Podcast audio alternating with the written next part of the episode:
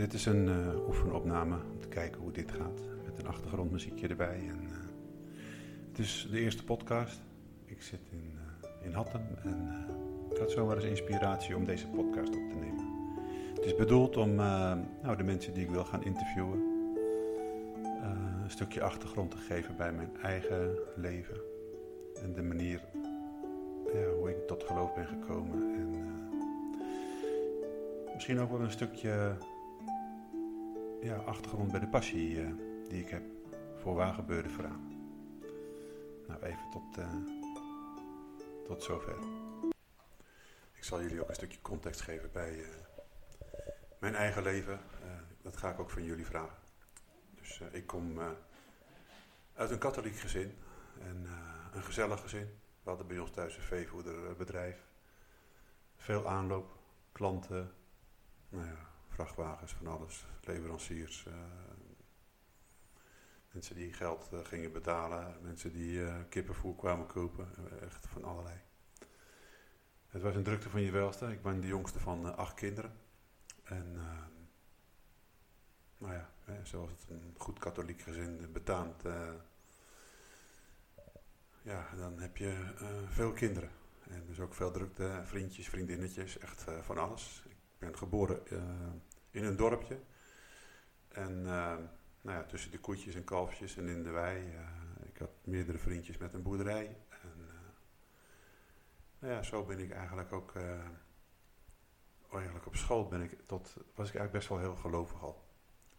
Ik ehm, zat op een school, echt een katholieke school. En we hadden ehm, ja, tante zusters. En die nonnetjes, zou je ze noemen tegenwoordig. En die konden echt met heel veel liefde vertellen over uh, Jezus. En een mooie bijbelplaat voor het bord. En uh, dan vertelden ze over uh, Jezus en wat hij allemaal deed. En, nou ja, zo dacht ik altijd ook op het schoolplein. Ik dacht van, ja, ja als, het, als het moeilijk werd, hè, ik denk van, nou ja, wat zal Jezus hebben gedaan als hij... als kinderen werden gepest of andere vervelende dingen gebeurden.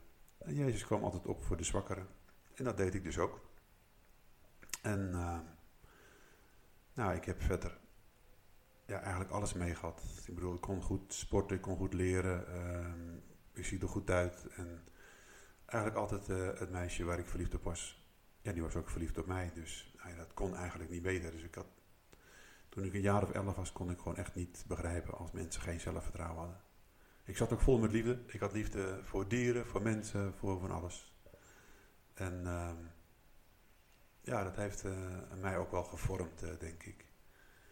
Uh, uiteindelijk is het zo dat hoogmoed komt voor de val natuurlijk. En ehm, ja, op een gegeven moment had ik een vriendinnetje en die ging met mijn beste vriend. Nadat ik dus in de puberteit ging proberen en kijken hoe ver je kan gaan met, met allerlei dingen. Ik dus ook verkeerde grappen maken, cynische grappen. En uh, nou, dat viel niet goed uit. Maar ja, de liefde is een apart ding.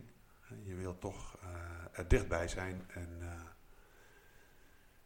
zo was ik er ook dichtbij. En terwijl zij dus zeg maar met elkaar aan het flirten waren, ja, werd er bij mij gewoon elke dag een stukje uit mijn hart gesneden. En ja, daar werd ik eigenlijk toch wel erg verdrietig van. Het, ik werd er niet alleen heel erg verdrietig van.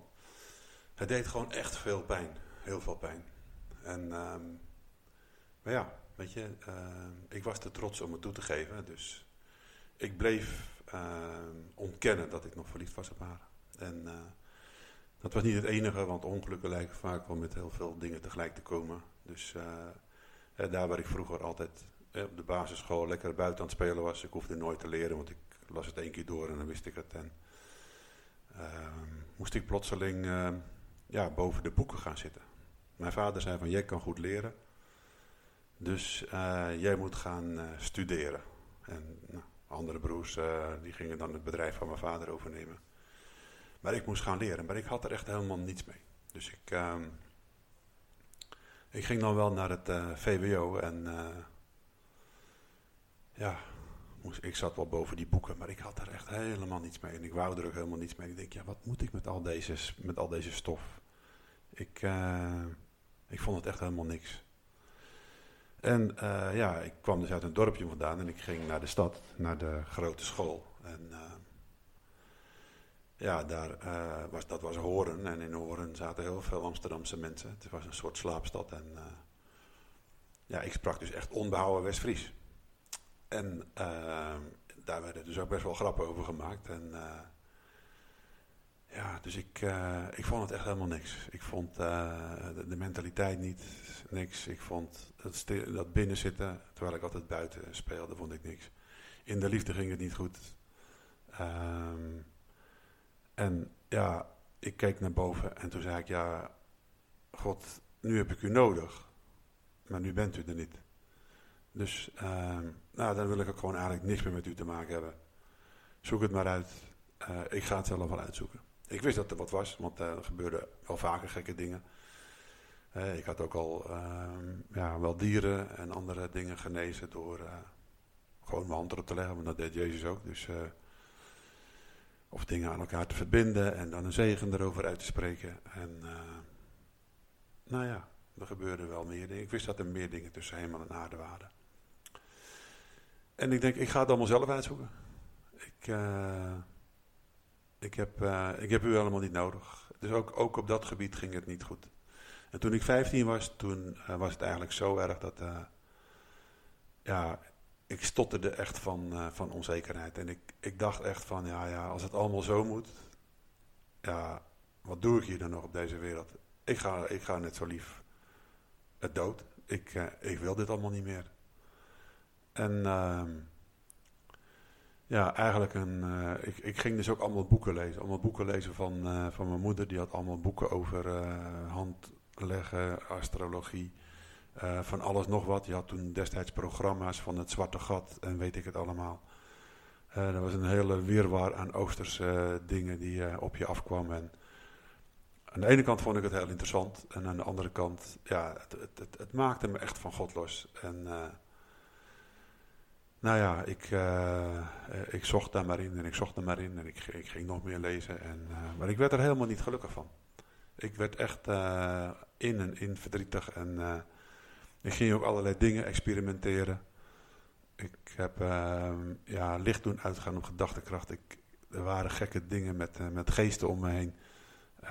ik werd er echt niet vrolijk van. En ik ging heel veel bier drinken.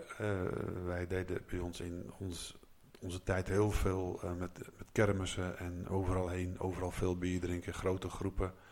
En maar zuipen en maar, en maar drinken. En um, ja, het was allemaal niet gezond. En um, het ging eigenlijk gewoon bergafwaarts, nog meer, nog meer. En op een nacht, eh, het kantelpunt was eigenlijk dat ik uh, dacht, nee, toen, werd ik wakker. Ik werd wakker op, de, op een ochtend en ik had toen, uh, als, als goed katholiek hadden we al, had iedereen een kruis boven zijn bed. In iedere kamer hing een kruis. En ik had er ook een boven mijn bed. En ik werd toen s'morgens wakker en ik had dat kruis had ik in, in mijn slaap had ik stuk geslagen. Dus ik had, de ene helft had ik in mijn hand. En de andere helft lag elders in de kamer. En toen dacht ik van, nou, nou ja, dit, dit is toch ook wel weer extreem. Dit wil ik eigenlijk ook niet. Dus ik had dat gezegd tegen mijn moeder. En ik zeg, mam, ik zeg, ja, ik zeg, uh, dit is gebeurd. Ja, ze zegt, ja, ze zegt, dat weet ik ook niet. Uh, ga maar naar meneer, ga maar naar meneer Pastoor, zeg, want ik weet ook niet wat ik hiermee moet. Dus ik, uh, ik bel aan bij meneer Pastoor. En meneer Pastoor die doet open met een kegel van de miswijn en uh, die zegt...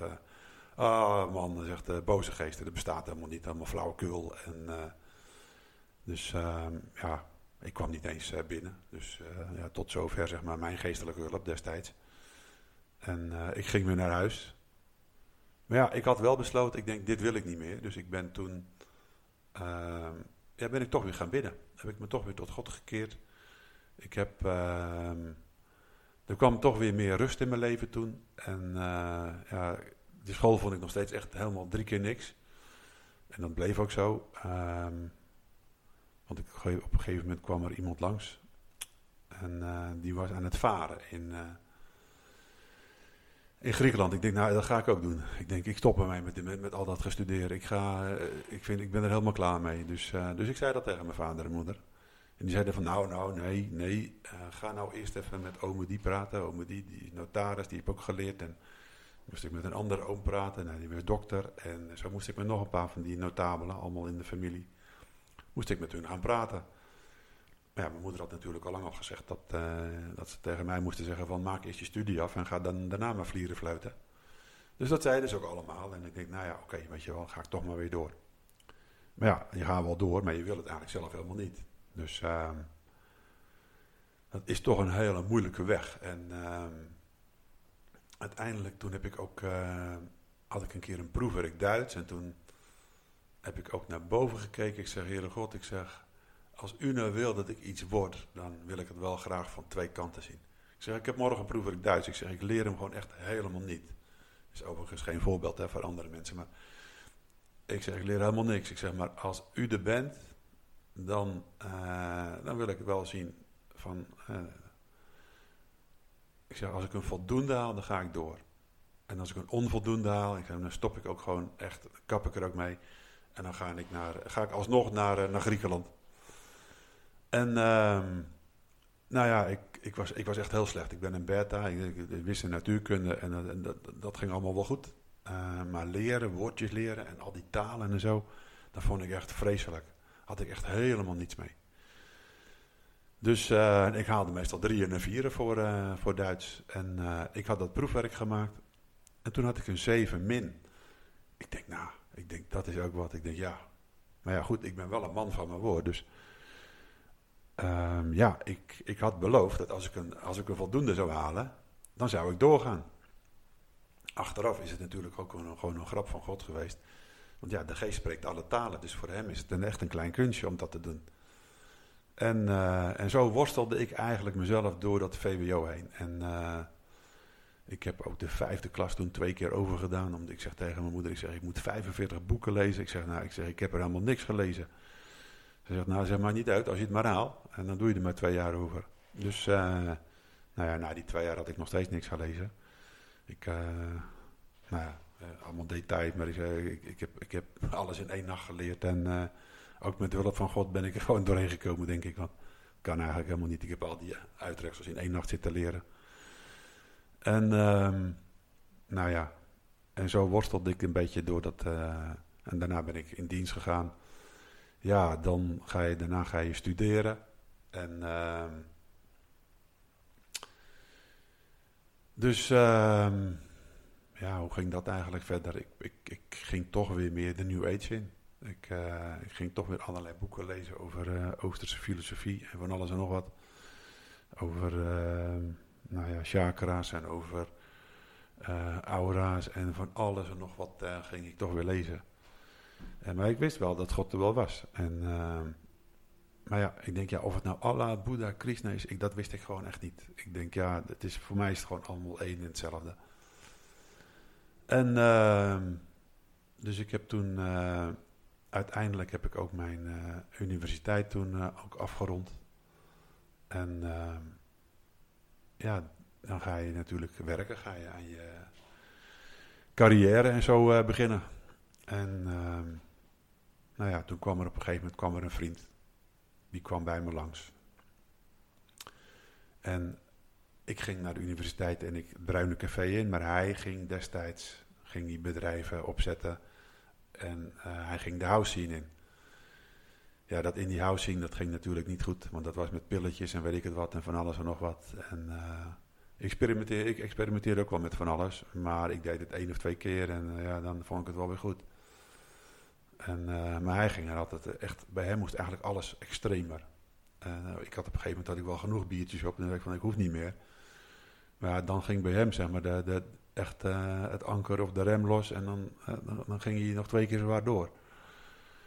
En ehm, nou ja, hij, dat ging natuurlijk niet goed uiteindelijk. Dat ging, hij ging echt helemaal, was echt helemaal paranoia. En toen kwam hij bij ons, want toen was hij eigenlijk helemaal al berooid ook had hij geen geld meer en zo. Toen kwam hij bij ons eten en drinken. Uh, een paar keer. En toen was hij uh, drie keer geweest. En toen belde hij me op en toen wilde hij uh, geld hebben. Ja, nou ja, dus ik zeg tegen Hans. Ik zeg Hans, joh, ik zeg, ik, ik weet wat jij met geld doet. Ik zeg, je weet dat ik daar niet achter sta. Ik zeg er nog wat. Ik zeg, ik wil ook niet dat er tussen ons komt te staan. Dus ik zeg, je bent altijd welkom om te eten, slapen, drinken. Ik zeg, maar geld, dat ga ik je gewoon niet geven. Oh, zegt hij. Hij zegt, nou, hij zegt, mooie vriend eh, ben je dan. Hij zegt, dan hoef ik je nooit meer te zien. Nou ja, ik zeg, dat respecteer ik. Ik zeg, dat is jouw keuze. Ik zeg, uh, maar dit is mijn keuze. Ik zeg, je bent en blijft altijd welkom om te eten, slapen en drinken. Ik zeg, maar geld, dat ga ik je gewoon niet geven. En toen ging, uh, gooide hij de horen erop. En uh, ja, toen heb ik hem eigenlijk een jaar of drie niet gezien. En uh, dat is niet helemaal waar, want ik zag hem wel eens in de stad. Zag ik hem lopen en had hij echt een grauw gezicht. Allemaal klont in zijn haar. Leeft echt als een zwerver. Kratjes bier uit, uh, nou ja, fietsenschuurtjes stelen en zo. En, uh, en zo ja, leefde hij op dat moment. En ehm, nou ja, ik zat op een gegeven moment bij mijn zwager. Op een verjaarfeestje zat ik naast mijn zwager. En mijn zwager die was toen uh, rechercheur bij het IRT-team. En uh, interregionaal rechercheteam was dat destijds. En hij zat echt achter die grote drugsjongens aan. Ook achter Bouters en zo. En uh, weet ik het, allerlei uh, dingen waar hij niet over mocht praten trouwens. Deed hij ook niet. Maar ehm, ik denk, nou ja, ik denk hij heeft er wel verstand van. Dus ik zeg tegen hem, ik zeg, joh, ik zeg, hoeveel kans denk jij nog dat Hans heeft? Dat hij dat hij weer een normaal mens gaat worden. En ik had beschreven dat hij paranoia was, dat hij echt uh, zijn dashboardkastje ook uit uh, de auto vandaan had gesloopt, want hij werd afgeluisterd en hij zag ze echt vliegen. Hij zag echt van alles en nog wat, uh, ja, wat, ik, wat ik niet zag en wat er dus ook gewoon echt niet was, maar hij meende dat allemaal wel te zien. En hij zegt, mijn zwager zegt dus, nou hij zegt, hoeveel heeft hij verbruikt? Ik zeg, wat bedoel je? Hij zegt, hoeveel? Nou, ik zei, hij zegt, hoeveel geld heeft hij opgemaakt? Nou ja, ik zeg, joh, ik zeg, hij had een vrijstaand huis. Uh, en die had hij vrij van hypotheek. Ik zeg, hij had drie bedrijven. Uh, hij had uh, wel 60 mensen in dienst. Ik zeg, ja, ik, zeg, ik, ik, weet het niet precies. Ik zeg, maar ik denk, hij heeft er zeker meer dan een miljoen erin gejaagd. Nou, zegt mijn zwager, hij zegt, als hij zoveel geld heeft verbruikt. Ik zeg, joh, hij zegt, dat, hij zegt, ik geef hem minder dan 1% kans. Nou, dat vond ik toch wel erg weinig. Ik denk, nou ja, dan zie ik hem eerdaags wel in de kist. Dan zal hij het wel niet uh, gaan redden. En, uh, of in de krant, of uh, dan krijg ik wel een berichtje dat hij overleden is. Maar goed, drie jaar na dat telefoongesprek, wat, wat we dus hadden over dat geld. Toen reed ik door op mijn fietsie op weg naar mijn werk door de stad heen. En toen zag ik hem plotseling aan het werk. En hij zag er netjes uit. En ik denk, hé? Ik denk, is dat hem nou? Weet je wel? Ik denk, dat kan toch helemaal niet? Ik had hem namelijk natuurlijk in die kist verwacht. Dus ik gaf een brul naar de overkant van de straat. En ik zeg, ik zeg Hans, ik zeg, ben jij het? En hij zegt, ja, hij zegt, ik ben het, ik ben het. En zijn hele gezicht klaarde op. Hij werd echt hartstikke blij dat hij mij zag. En... En dat, hij werd zo blij, dat vertelde hij me achteraf, omdat ik was dus de enige vriend die hem dus geen geld had geleend. En hij wist dat als hij mij zag, eh, dan kon hij misschien weer terug naar zijn oude vriendenclub. Want hij had natuurlijk heel veel drugsvrienden, maar daar was hij nooit erg veel beter van geworden. En hij wilde weer heel graag terug naar zijn oude vriendenclub. En ja, geen schuld, geen schaamte. Dus dat, had, dat was van bovenal allemaal al geregeld. En uh, ik zeg, joh, ik zeg, ik zeg, hoe kan dat nou? Ik zeg, ik zal eerlijk zijn. Ik zeg, ik zeg, ik had je niet meer levend uh, verwacht eigenlijk.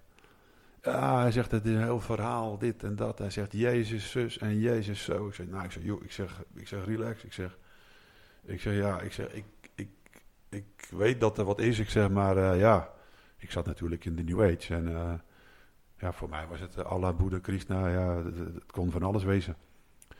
Ik zeg, maar ja, ik, zeg, ik, zeg, joh, ik, heb dat boek al lang al uit, joh. Ik zeg, dus... Uh, maar goed, ik zeg nog wat. Ik zeg, uh, ik, ik, ben op weg naar mijn werk. Ik zeg, uh, dus ik moet mijn trein even halen. Dus ik zeg, je moet je verhaal maar een andere keer doen. Dus nou, even nummers uitgewisseld. Kwam hij, kwam hij zijn hele verhaal doen. Nou, heel verhaal ga ik niet vertellen. Maar, nou ja, in ieder geval... dus hij heeft zijn hele verhaal gedaan en kwam hij weer eten bij ons. En uh, nou ja, de keer erop, toen kwam hij weer een keer eten. En toen zegt, had, hij, had hij allemaal liedjes meegenomen. Hij zegt, geweldig. Hè? Hij zegt, joh, deze allemaal uh, liedjes van Jezus. Allemaal opwekkingsliedjes en zo. Nou, ik zeg, joh, ik zeg, ik had er een paar beluisterd. Ik zeg, ik zeg nou ja, ik zeg, joh, ik, zeg, ik vind het echt ontzettend mooi voor jou. Ik zeg maar, ja, ik, zeg, ik heb er helemaal niks mee. Ik zeg, ik zeg, die liedjes, die moet je zelf maar mooi gaan luisteren. En nou ja, al een beetje teleurgesteld. En toen kwam hij weer een keer eten en hij zegt, uh, hij zegt, uh, hij zegt ga je mee naar de kerk? Hij zegt, het is geweldig daar. Nou, ik zeg, ik zeg Hans, ik zeg, ik zeg, daar moet jij lekker heen gaan. Ik zeg, ik zeg, het is geweldig voor jou. Ik zeg, maar ik zeg, ja, ik, ik, heb, ik heb daar niks mee. Ik zeg, ik, ging vroeger ook naar die kerk. Ik zeg, met die man met die jurk. Ja, ik zeg, daar had ik ook echt helemaal niks mee. Dus ik zeg, ga jij lekker naar die kerk, weet je wel. En nou ja, toen kwam hij nog een keer eten. En ik denk, nou ja, ik, zeg, ja, ik heb hem toch al drie keer teleurgesteld nou. Dus ik zeg, Hans, ik zeg, weet je wat? Ik zeg, uh, ik zeg, ik wil eigenlijk die man wel een keer spreken die jou wel heeft uh, op het rechte pad hebt kunnen zetten. Ik zeg, want ja, ik zeg, ik heb universiteit gedaan, ik zeg, economie gestudeerd, wat ik overigens helemaal niet interessant vond. Dus ik zeg, ik heb veel meer gedaan in filosofie, psychologie en ik was altijd erg geïnteresseerd in wat de menselijke geest kon. Dus vandaar dat ik ook al die experimenten ook deed met allerlei andere dingen. Ook met, uh, weet ik veel, een andere wereld te gaan en whatever. Dus, um, um, nou ja, ik zeg, ik wil die man wel eens spreken. En uh, nou, toen nam je me dus mee naar, naar, uh, naar Jan Stortebeker. En dat is een, een, broer van Teun, van Teun Stortebeker van Stichting De Hoop. Die Stichting De Hoop heeft opgericht. Waar best wel heel veel verslaafde mensen afkicken. En uh, nou ja, Jan die, uh, die ging heel enthousiast allemaal dingen vragen. Ook over mijn familie en zo. Ook over de context. Eigenlijk wat ik ook dus aan jullie ga vragen. En, uh, en nou ja, ik zeg Jan, ik zeg, joh, ik zeg mijn opa. Ik zeg, die was opperhoofd van het verzet samen met zijn jongste broer. Ik zeg, en die, ik zeg, dat was net allo hallo bij ons bij de boerderij zeg maar, van mijn vader of van mijn moeder thuis. Ik zeg, ik zeg, er zaten piloten. Ik zeg, er zaten Joodse mensen. Ik zeg, er zaten onderduikers. Ik zeg, er zat van alles. Ik zeg, er, liggen zelfs, ligt zelfs nog een Duitse begraven achter op het land. Ik zeg, er is daar van alles en nog wat gebeurd. Ik zeg, dat is allemaal te veel te, om te vertellen. En het is ook eigenlijk best wel een wonder dat mijn hele familie het heeft overleefd. Ik zeg, want ja, ik zeg, eigenlijk ben ik, ja, heeft mijn familie hun leven te danken aan een Joodse man die niet heeft gesproken. Er is later een weg naar vernoemd, de AC de Graafweg. AC de Graaf was een ja, man die dus uh, eerst doodgemarteld is en toen, uh, of, of tenminste meer, eerst gemarteld en toen doodgeschoten. Maar hij, hij heeft niet gesproken, want hij was op weg naar mijn opa. En dat heeft hij dus niet gezegd, want anders was mijn hele familie uitgeroeid. Nou ja, in ieder geval, het was uh, Jan ook wat duidelijk. Hij zegt, hij zegt, nou ja, hij zegt, hou je ook van lezen? Nou, ik zeg, joh, ik, ik hou echt helemaal niet van lezen. Ik zeg, ik moest al die boeken lezen op VWO. Ik zeg, ik heb helemaal niks gelezen. Ik zeg, ik heb alleen maar uittreksels geleerd. Ik zeg, maar ja, ik zeg, weet je, ik zeg, ik hou wel, ik heb wel een uitzondering. Ik zeg, ik hou wel van waargebeurde verhalen. Ik zeg, dat vind ik wel mooi. Ik zeg, die spreken wel tot mijn hart. En dat is ook de reden dat ik graag podcasts met jullie wil maken. En, uh, maar goed, die waargebeurde verhalen, daar had hij uh, een heel bibliotheekje vol van staan. Dus hij had me er een paar meegegeven. En die ben ik gaan lezen. Het kruis in de asfaltjungle. En ik zal nooit meer huilen. En de schuilplaats. En de verscheurde sluier. En ga maar door. En na het eerste verhaal. Toen dacht ik van nou. Ik denk ja. Er gebeuren nog steeds wonderen in de naam van Jezus. Ik denk, zal er dan toch iets van waar wezen? En toen ging ik er nog een verhaal lezen. En ik denk, nou, hier gebeuren weer wonderen in de naam van Jezus. En nog een verhaal en nog een verhaal. En op een gegeven moment, ik denk ja, uh, ik denk, zou het dan echt waar zijn? En het schoof steeds meer op. Ik denk, nou ja, ik, op een gegeven moment dacht ik van, nou, het is dan toch wel echt waar. En toen ik twaalf verhalen had gelezen, toen dacht ik van, ja, het is gewoon echt waar. Ik denk, ja, en als Jezus dus gewoon nog steeds bestaat en nog steeds wonderen doet en dat er ontzettend veel kracht vanuit zijn naam gaat, ja, dan moet ik mijn eigen waarheid gaan herzien.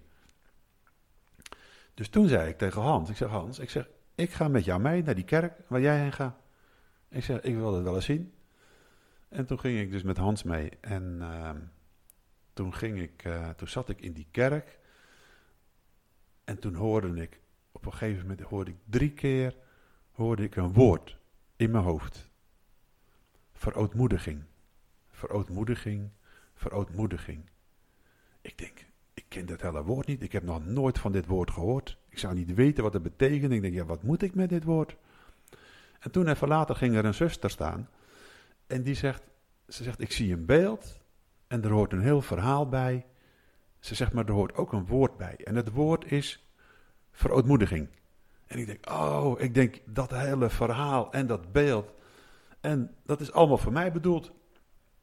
En zo uh, ging ik de week erop ging ik weer mee en gebeurde er weer allerlei bijzondere dingen. En uh, nou ja, ik bleef ook gewoon uh, die verhalen uh, lezen, waar gebeurde verhalen. Ik ging ook regelmatig naar, uh, naar Jan Stortebeker toe om weer andere verhalen te halen. En ik, ik, had echt een honger naar die verhalen. Want ja, het was voor mij toch echt de waarheid. En het was voor mij ook melk. Als je de Bijbel direct gaat lezen, ja, de een kan het wel, de ander niet. Ik was gewoon veel te eigenwijs. En ik kon die Bijbel niet lezen. Ik had het in mijn studietijd ook wel eens geprobeerd. Dat ik de, uh, op de universiteit zat. Maar het, het kwam bij mij niet binnen. Want ik, moest het, ik wilde het allemaal passen in mijn eigen wijsheid. Maar ja, er staat in de Bijbel, door je eigen wijsheid zul je mijn wijsheid niet leren kennen. En uh, de grap is, verootmoediging betekent inpasselijk worden. Betekent ook nederig worden voor God. En uh, ja, ik was best wel een. Op dat moment was ik een stafdirecteur uh, bij Ahold. En ik had uh, echt mijn schaapjes al op het droge. Want ik had mijn hypotheek kon ik zo afbetalen. En ik woonde in een heel mooi huis. in de haven bij Horen. En bij de jachthaven. En ik reed zo mijn auto zeg maar onder de straat door. En nou ja, vier verdiepingen. En echt prachtvrouw. En twee lieve kinderen. En mijn familie allemaal goed, vrienden goed. ja, ik had eigenlijk alles al voor elkaar toen ik nou ja, tot geloof kwam. En, uh, maar goed, ik, uh,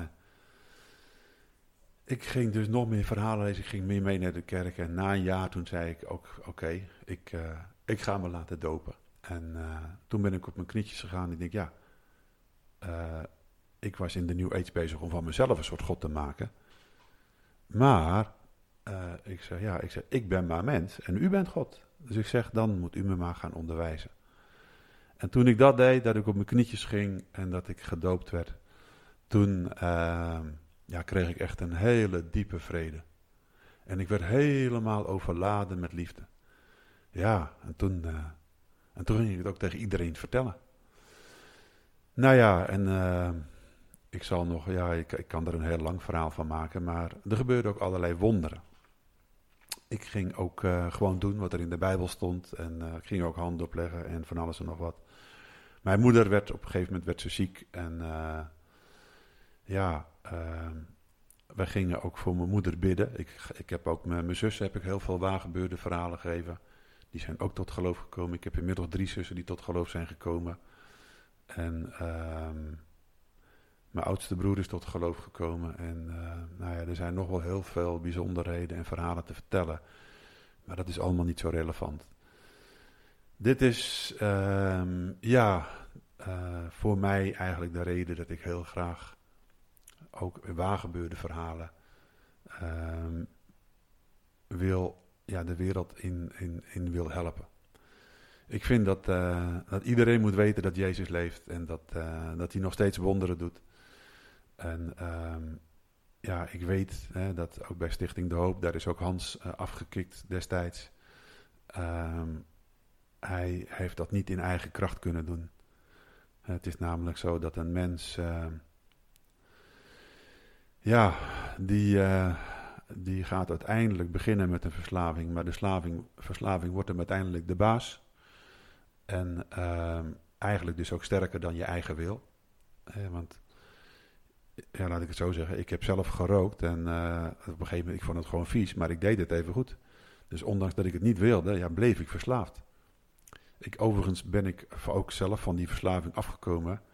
Hè, door te beloven aan, eh, aan de Heer. Ik zeg, ja, ik zeg, ik zeg, Heer, ik zeg, ik wil er vanaf. Ik zeg, maar, ik zeg, wilt u me dan helpen?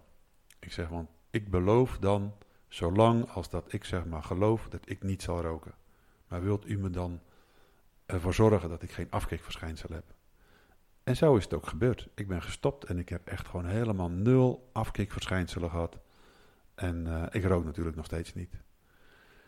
En uh, ja, zo, zo, zo is mijn verhaal eigenlijk. Zo ben ik tot geloof gekomen. Dit is mijn passie.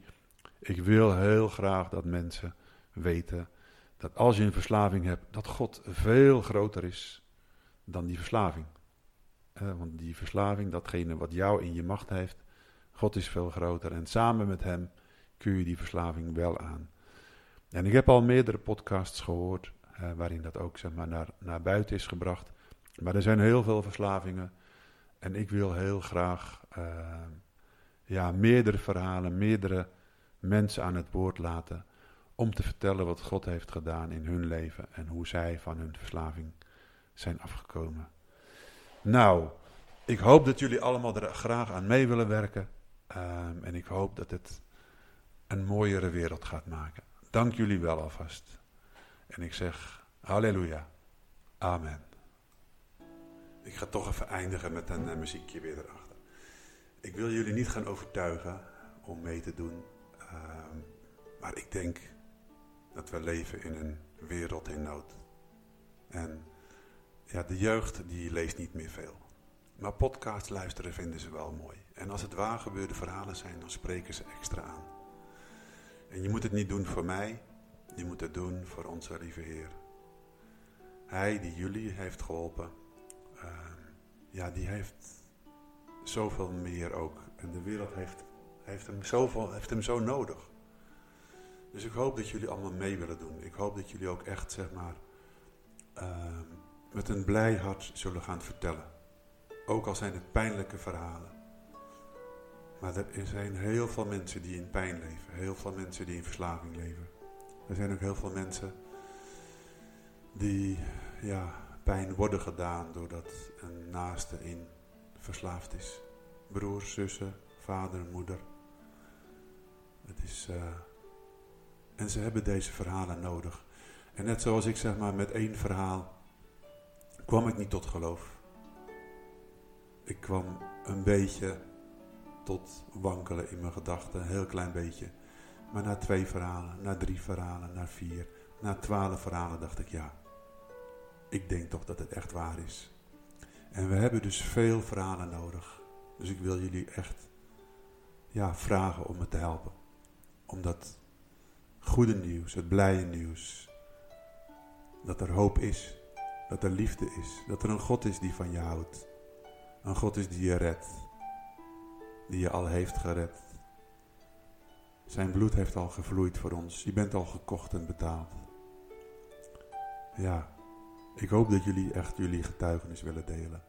Ik ben gelukkig niet afhankelijk van welke organisatie dan ook. Dus jullie mogen vertellen over de wonderen die je hebt meegemaakt. Je mag vertellen over je dieptepunt.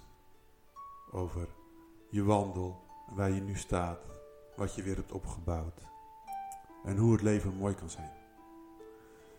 Dat hij je vrede geeft. Een vrede die niet van deze wereld is. Maar hij zegt, ik geef jullie mijn vrede. Een vrede die ook niet te koop is. Het is genade. Het is onverdiende gunst.